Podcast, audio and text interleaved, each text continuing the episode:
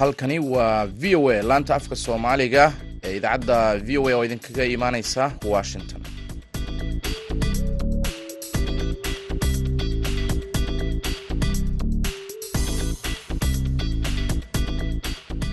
Waxaad naga dhegeysanaysaan muwjadaha gaagaaban ee muwjadaha gaagaaban efemyada geeska afrika iyo caalamkao dhan oo aad nagala socotaan v o a somaly com waana axadda bisha oktoobar waa laba sanadka labada kun iyo labaiyo labaatanka idaacadda duhurnimo ee barnaamijka dhallinyarada maantana waxaa idinla socodsiinaya anigoo ah maxamed bashiir cabdiraxmaan.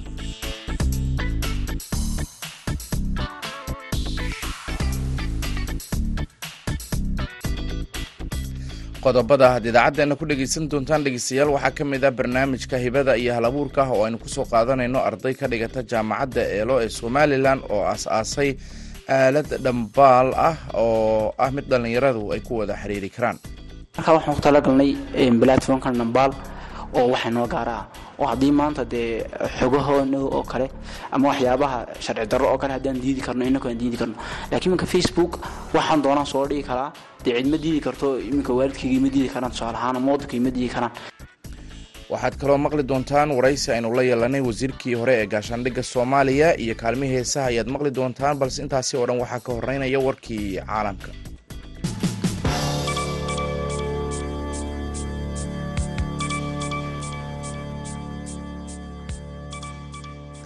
ciidamada ukraine ayaa sheegay inay dib ula wareegeen saldhig muhiim ah oo ku yaalla magaalada leyman ee bariga ukraine oo ah aag ay haysato ama ay haysatay ruushka waana guuldarro daran oo keentay in saaxiibka dhow ee madaxweynaha ruushka valadimir putin uu ku baaqo in la isticmaalo heerka hooseeya ee hubka nukliyeerka qabashadan oo dhacday sabtidii ayaa imaaneysa maalin uun kadib markii putin uu ku dhawaaqay inuu dalkiisa ku daray ku dhowaad shan meelood meel ka mid ah dhulka ukraine oo uu ku jiro gobolka donesk oo ay leyman ka tirsan tahay waxaana uu ruushka goboladaasi hoosgeeyay dalladiisa difaaca nukliyerka kiyef iyo reer galbeedka ayaa cambaareeyey goosashada oo ay ku tilmaameen mid aan sharci ahayn ciidamada ukraine ayaa waxa ay ku sheegeen gacan ku dhigista magaaladan muuqaal ay ka soo duubeen bartamaha magaalada leyman oo ay ku baahiyeen baraha bulshada.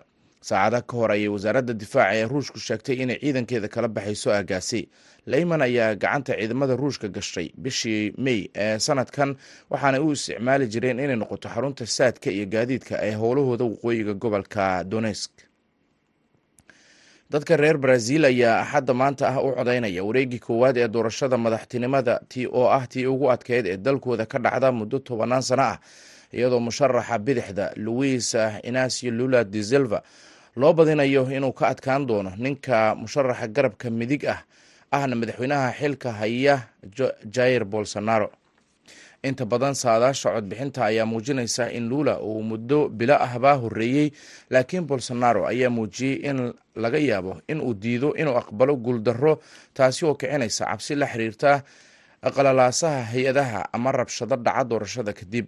Lula ayaa madaxweyne ka soo noqday brazil labada kun iyo saddexdii ilaa labadii kun iyo tobankii waxaana inta badan saadaashu ay siinaysaa inuu ku horeeyo toban ilaa shan iyo toban boqolkiiba haddii uu ku guuleysto in ka badan konton boqolkiiba codadka la dhiibtay taasi waxay ka dhigaysaa inuu noqdo madaxweynaha dalkaasi iyadoo aan la geli doonin wareega labaad oo kala reeb ah. Qofka guuleysta ayaa la shaacin doonaa saacado gudahood kadib markii goobaha codbixintu ay xirmaan shanta galabnimo ee saacadda dalkaasi. Haddii aanu musharaxna ku guuleysan kalabar codadka labada qof ee ugu horreeya ayaa wareega labaad isaga hor iman doona soddonka bisha oktoobar warkii dunidana dhegeystayaal waa naga inta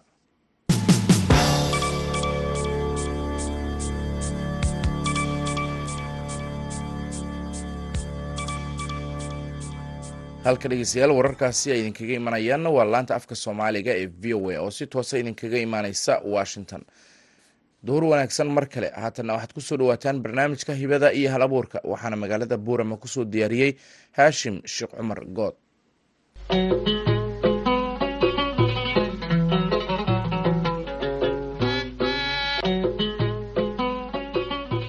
ku soo dhowaada barnaamijka hibada iyo hal abuurka oo aad maalin walba oo axad ah aad ka dhagaysataan idaacadda duhurnimo ee barnaamijka dhallinyarada maanta ee laanta afka soomaaliga ee v o a. Toddobaadkan barnaamijkeenna hibada iyo hal abuurka. Waxaynu ku soo qaadan doonaa dhallinyar hal abuurtay application. Magaciisa ay ugu magac dareen dhambaal oo loo isticmaali karo sida baraha bulshada applicationadooda. Waxaa barnaamijkeenna inoogu martiya mustafa maxamed cilmi oo ah hormuudka kuliyadda combyuter science ee jaamacadda eelo ee magaalada boorama iyo khadar cabdi warsame iyo naasir ibraahim cabdi oo ah dhallinyaro ka qalin jebisay kuliyaddan oo iyagoo ah dhallinyarta hal abuuray applicationkan ay ugu magac dareen dhambaal ugu horeyn waxaan ku soo dhoweynayaa hormuudka kuliyadda mustafa maxamed cilmi bal hadda inuu faahfaahin inaga siiyo dhallinyartan hal abuurtay applicationka ee ka mida kuliyaddiisa combyuter science. Waan dhowahay walaal haashim magacayga sida uu haashimba sheegay waa mustafa maxamed cilmi dhinka kuliyadda i c t-ga ama computer scienska ee jaamacadda elo. Kolley barnaamijkan maanta hibada iyo ee v o da ka baxda maalinta axadda aan warbixin ku bixin doonaa ardayda kuliyadda computer science and information technology sannadkii dhowid ka baxday. Weliba laba arday master khadar iyo master naasir oo sameeyey ama develop gareeyey mobile application platform. Ama social media platform. Ah kaasoo u shaqaynaya sida ay social media ay u shaqeeyaan like facebook oo kale. Laakiin kolley difference baa jiri doona iyaga inoo sharaxi doona. Barnaamijkan kaga qayb qaateen conferencekii dhowaa ee ay somalilan i c t conference sanad walba ay qabato oo sanadkan lagu qabtay borama ay barnaamijkan ay kaga qayb qaateen oo ay soo jeediyeen. Maantana kolley v o e da ayaan markaa ay dhalinyartan master khadar iyo master naasir ay u sharaxi doonaan social media appkan suu u shaqaynayo iyo waxyaabaha uu qabanayo iyo sida loo isticmaali karo. Ka jaamacad ahaan kolley jaamacadda elo oo kolley soo saarta arday taya leh. Weliba marka la leeyahay xagga technologyga laga hadlayo waa jaacad ku suntan kolley technologyga inaan markasta leading aan nahay oon soo saarno. Arday aad u tayo badan oo la jaan qaadi karta technologyga kala duwan ee baaxadda ballaadhan ee spiirka khayracaadiga ku socda in ay la socon karaan. Waxaan hadda ku soo dhoweynayaa khadar cabdi warsame oo isagu ka mida dhalinyarta samaysay abkan mobileka ee loo isticmaalaya sida baraha bulshada bal waxaad faahfaahin naga siisaa qaabka iyo sida loo isticmaalayo abkan aad idinku hal abuurteen eed ugu magac darteen dhambaal magacaygu waxa weye khadar cabdiwarsame systemkan aan samaynay ama applicationkan aan samaynay waxaa la yidhahdaa dhambaal wuxuu u shaqaynayaa qaabka ay u shaqeeyaan baraha bulshada ama tusaale ahaan facebook iyo instagram iyo tiktok iyo waxyaalahaas oo kale waxa uu leeyahay qaybtii baraha bulshada oo dhammaystiran inaad wax soo boosti garayn karto like iyo comment iyo share iyo waxyaalahaas oo kale ka bixin karto faallooyinka dadka soo dhigaan ama sawirada ama fiidyada soo dhigaan. Sidoo kale inaad samayn karto chatingkii oo ah inaad video call samayn karto audio aad duubi karto ama inaad sms caadi qori kartid. Sidoo kale inaad diri kartid video ama aad diri kartid maxay ahayd pictures also waxaa kaloo diri kartaa documentiskii waxyaalihii kale lagu diri karaya social media. Social media qaybtaas isagu markaa uu leeyahay uu dheeryahay waxaa weeyaan qayb bage ah oo ay lahaayeen kuwa kaleba uu leeyahay isaguna. Waxaa kaluu markaa isagu kaga duwan yahay qayb aan ugu talagalnay ganacsatada oo ah maxay inay heli karaan e-commerce app. Intay samaysan lahaayeen e-commerce wuxuu u samaynayaa systemkan markaa iyagoo isticmaalaya chatingkii ama systemkii isticmaalay ayay wax ku dhex iibin karaan ganacsatadu. Applicationkan markaa wuxuu qaybta ka caawinaya ganacsatada in wax ku iibiyaan customarskuna ay alaabta iibiyeen ay arki karaan ayna u deliver garayn karaan. Marka intii ay application e-commerce ay samayn lahaayeen waxay ka dhex isticmaali karaan qaybtaas wuxuu leeyahay markaa feature saddexaad oo ah articles oo nugu talagalnay in dhalinyaradu ay ka sameeyaan markaa qaybo lacaga ah. Markaa qaybtaa waxay noo sharaxi doonaa injineerka naasir bay noo sharaxi doonaa. Naasir ibraahim cabdi oo isaguna ka mida martida barnaamijka waxaad sharaxaad naga siisaa qaabka dadka ku soo baahiya artikalada ama qormooyinka sida ay lacag uga samayn kareen. Qaybtan articleska waxaan ugu talagalnay in shakhsigu marka hore isdiiwaangeliyo isku diiwaangeliyo lacag. Deeta markuu lacagtaa isku diiwaangeliyo si uu lacag uga sameeyo waa inuu hibooyinkiisa ku soo bandhigo oo articleska marka waxyaabaha looga baahan iminka sida facebook oo kale facebook pageka ama youtube pageka waxyaaba lagaga baahan yahay jirta si aad lacag uga samaysid. Kan waxyaabahan ugu talagalay marka waxaa ka mid a inuu shakhsigu markuu soo dhigo waxyaabihiisa uu shares ka helo useriskan uu soo bandhigayo ama dadkan uu soo bandhigayo sidoo kale laakis ka helo. Laakiskaasi iyo shareska uu sameynayo xaddi markay gaadhaan xaddi aan ugu talagalnay xaddigaa markuu gaadho uu lacagtiisa helo. Waxyaabaha uu muhiimka ugu articleskaasi waa inuu saddex qof ugu yaraan ay ku xidhan yihiin ama linkigan isagu uu leeyahay ay iska soo diiwaangeliyaan. Taasi waa taas oo intaabay iga eg tahay haddaan in yar ku sii raaciyo ugu horeyn siduu fikradda noogu soo dhalatay markaan taa kaa weydiiyo su'aal. Fikirkan markaad hal abuurayseen maxaa idinku dhaliyey horta haashimow marka hore fikirka analyse baa horta la sameeyaa. Iyo dee feedbackiska aad ka qaadanaysid waxyaabaan maadaama aan arday teknolojiyadda ku jiranahay aragtiyaha aan ka helnay ayaa wax tahay. Caalamka waxaa jirta iminka tusaalahaan wadanaanta awoodda ugu weyn haddaan tusaalahaan soo qaata sida maraykan ruush china waxay leeyihiin balaadfoomo u gaara. Iminka tusaale ahaan wadanka china oo kale haddaan soo qaato wuxuu leeyahay tiktok. Tiktok isaga u gaar tahay oo kale facebook isaga u gaar tahay. Maadaama haashun iminka haddaa facebookkaaga aadee xogahaaga oo dhan easyba u tahay ogaanshaha maraykan marka annagana waxaan isweydiinay anigiyo injineerka khatar maxaan kaga duwanaan karnaa wadanaanta kale haddaan nahay wadanka somalilan somalilan ahaan markaa waxaan ku talagalnay platformka nambaal oo waxay noo gaara ah. Oo haddii maanta dee xogahoona oo kale ama waxyaabaha sharci darro oo kale haddaan diidi karno inaku aan diidi karno. Laakiin iminka facebook waxaan doonaan soo dhigi karaa dee cid ma diidi karto iminka waalidkayga ima diidi karaan tusaale ahaan ama waddanka ima diidi karaan. Laakiin maraykan ma ay diidi karaan. Saa awgeed waxaan noogu dhalatay inaan ab inoo gaara ama platform noo gaara wadan ahaan inaan soo bandhigno dhinac kastana faa'iida ka dhallinyaradiina de xagga articleska ay soo dhigi karaan. Ganacsadihiina ay ka maarmi karaan inay samaystaan dee ecommercio sites ay kanun ka dhex samaystaan. Bulshadiina is ogaato ganacsigooga iyo ganacsatadoodiina la socoto iyagiina dee xogahoogiis la socdaan. Taabaan ugu talagalnay. Qadar dadka isticmaalaya platformkan dhambaal siday u isticmaalayaan halkayse ka isticmaalayaan ma waddanka gudihiisun baa laga isticmaalaya mise caalamka oo dhan buu qofku ka isticmaali karaa doonaya inuu isticmaalo? Systemka horta wadanku keliya kuma base garaynin waxaa laga isticmaali karaa caalamka oo dhan. Wuxuuna qofku ka isticmaalayaa mobilkiisa oo wuxuu kala soo degaya app storeka iyo play storeka. Sidoo kale wuxuu ka soo gali karaa web.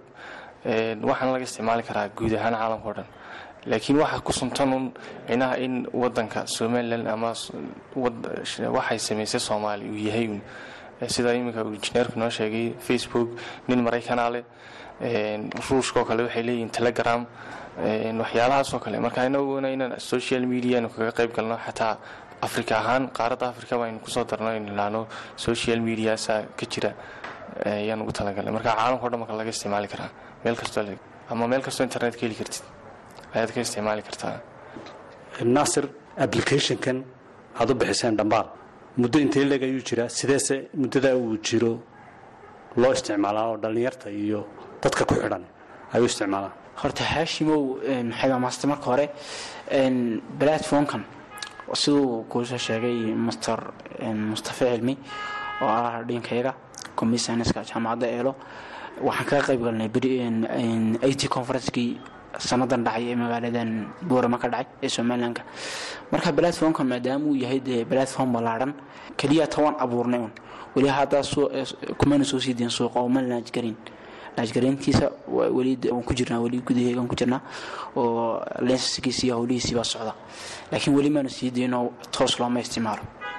Marka ma waxaad u dayn weydeen ee loo isticmaali waayey ma dhinaca dhaqaalaha ma dhinaca sharciyadda maxay idinkaga xidhan tahay inaad sii daysaan dhinaca sharciyeynta horta waan waan ku guda jirnaa taasi. Maadaamuu dee waxaan yahay wax wadan leeyahayna waa ina dee dhaqaalo badan in la geliyo. Dhaqaalahana xagga dowladda aan weli kaga tala jirnaa.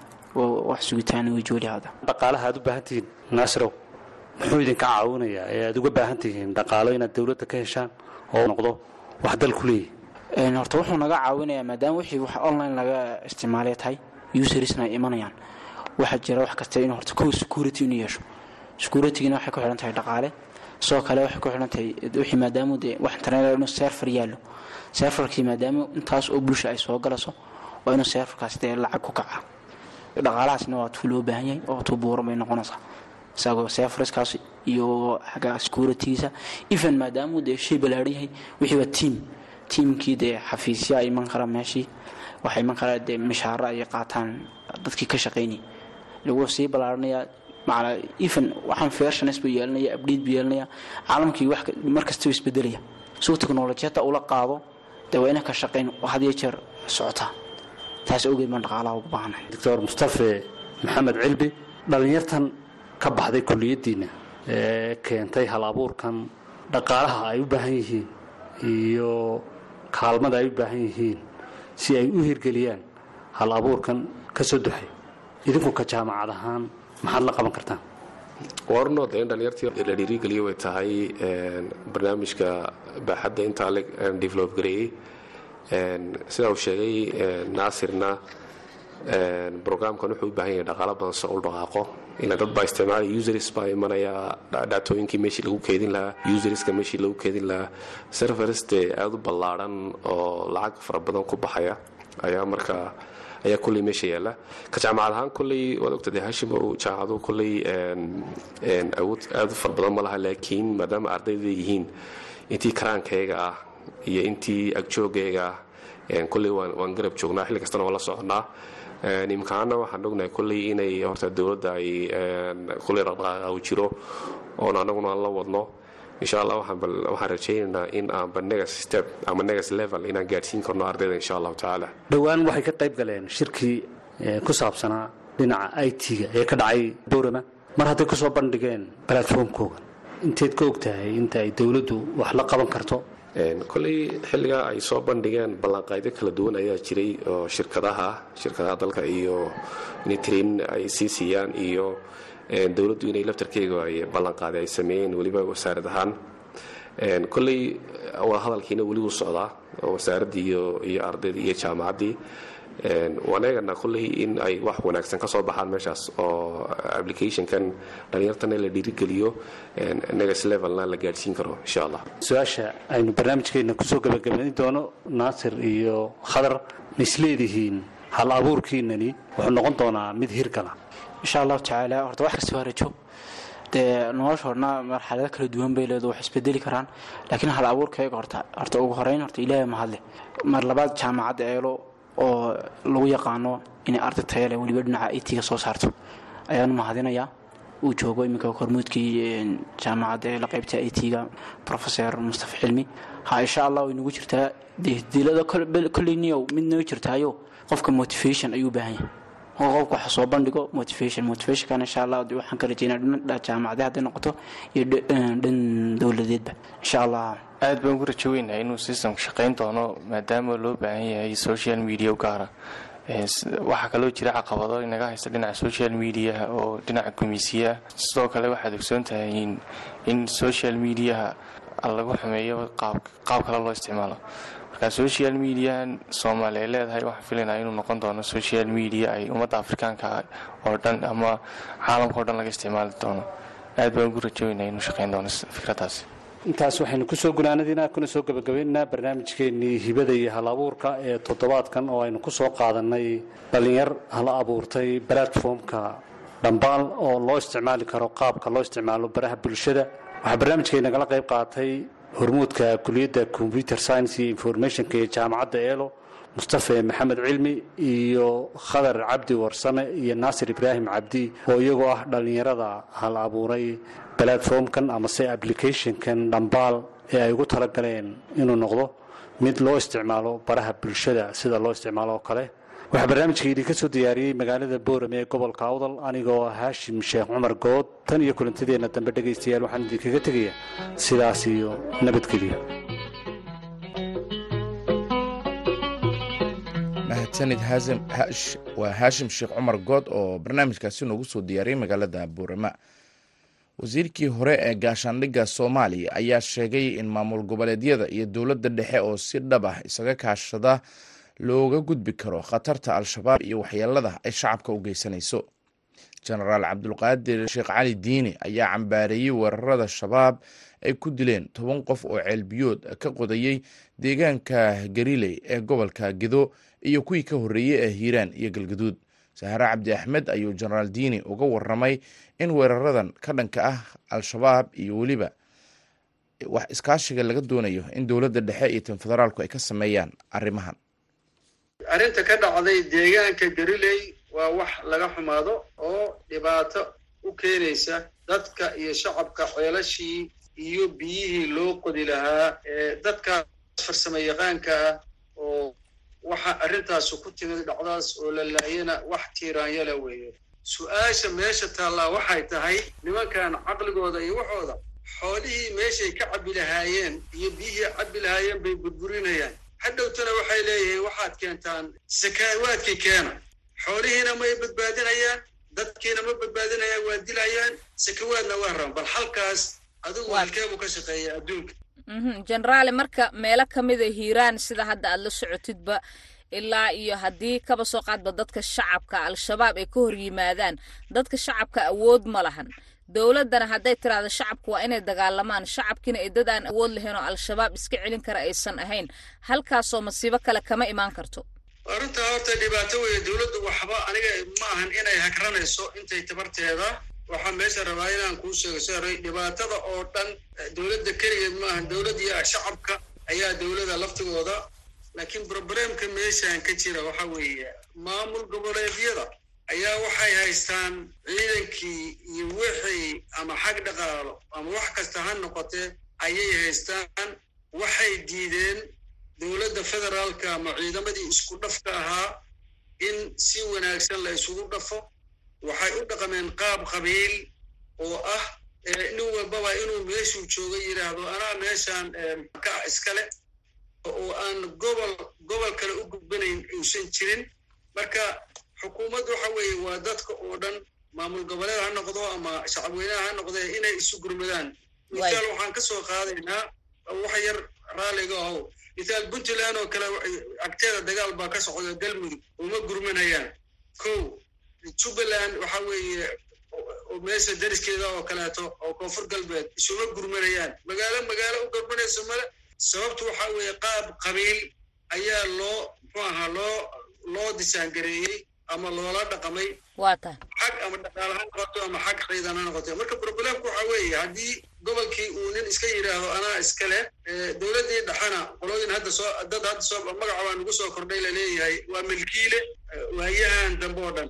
Marka haddii xukuumaddiina la yidhaahdo waa milkiile waxa weeye oo dadkii aan la midayn oo loo jihayn dagaalka waxa weeye dadka shacabka waa dhibaatoonayaan hal mid baan kugu dara waxa weeye taakulayn baa laga rabaa. Iska dhaf haddaad ciidan soo dirayn war xataa soo dir mataqaanaa taakulayn soo dir iyo saad u soo dir dadka dagaalamaya iyo ciidanka dagaalamaya. Haddaad tahay maamul goboleed laakiin waxa weeye adigu iska celi gobolkaasaa joogtahay adigu iska celi. Waxaas qarannimona ma ahan wada shaqaynna ma ahan ma ahan markii lacag la qaybsanayo iyo wax la qaybsanayo keliya. In inta laysu yimaado la kala tago waa hagaag. Jenaraal waa gartay. Ee dhinaca kaleeto markaad taasi ka soo tagto maamul goboleedyada laftooda. Awalba al-shabaab deegaana ayay gacanta ku hayeen ayadoo maamul goboleedyada ay joogaan. Hadda jubbada dhexoo dhan shabaab ayaa gacanta ku haya jubbada hoose meelo ka mida gado isuma gudbi karta. Haddaan jubbaland oo keliya ka hadalno. Waana ogtahay hirshabeelle meelo ka mida ilaa iyo galmudug ilaa iyo koonfur galbeed. Marka xaddiga al-shabaab way ka weyn tahay shacab hadda la abaabulay iyo xataa maamul goboleedyo gaara. Ciidamada amisom ee jooga soomaaliya doorkooda muxuu noqonayaa la dagaalanka al-shabaab. Runtii waxba ha ka jeedinin mataqaana mas'uuliyadda maamul goboleedka anigoo muxuu aha hal meel keliya. Ma ma ma ma ma ma dheehay ama jubbaland ama xagga kida ama puntland ama koonfur galbeed ama galmudug ma dhahayo laakiin waajibaad wada saaran ayay ka hakinayaan oo ka hakranayaan saaxiibadoo kale saaxiibadooda kale oo dagaalku haysto. Haddaan u soo noqdo middan amison waxa weeye haddii adiga waxaadan adiga gacantaada ku qabsan nina kuu qaban mahayo ama xukuumad ahaan noqo ama dowlad ahaan noqo. Waktiga hadda dagaalku bilowdana waxa weeye wakti ku habboonna waa tahay dhinac. Markii laga fiiriyo dhinac kalena waktigii diyaargarowga gaar ahaan nimankan la leeyahay la rabay inay ka qayb galaan waxa weeye way fadhiyaan waana ka fadhiyaan arrinta iyada ah. Xukuumadda laga rabaa sidii nimankaas ay ula ula mucaamali lahayd. Xukuumadda ayaa laga rabaa. Kaasina wuxuu ahaa wasiirkii hore ee gaashaandhigga soomaaliya cabdiqaadir cali diini oo u waramayey sahre cabdi axmed markanna codka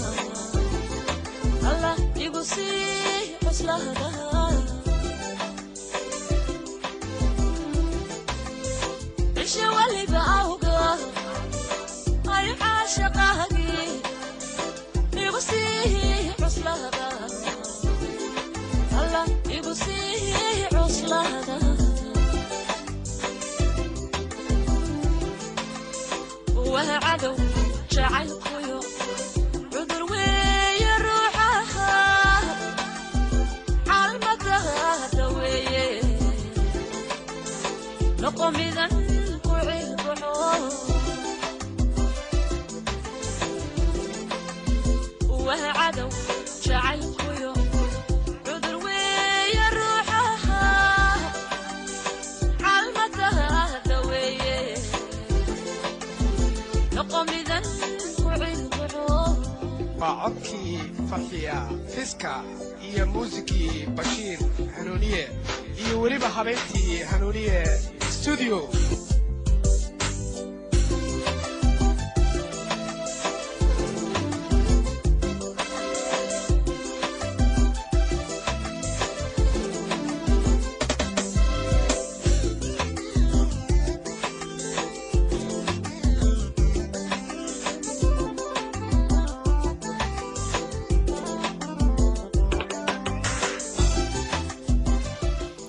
codkaasi farxiyo fiska wuxuu gebagaba u yahay idaacaddii duhurnimo ee barnaamijka dhallinyarada maanta. Tani kulidii dambe waxaan idin leenahay nabadgelyo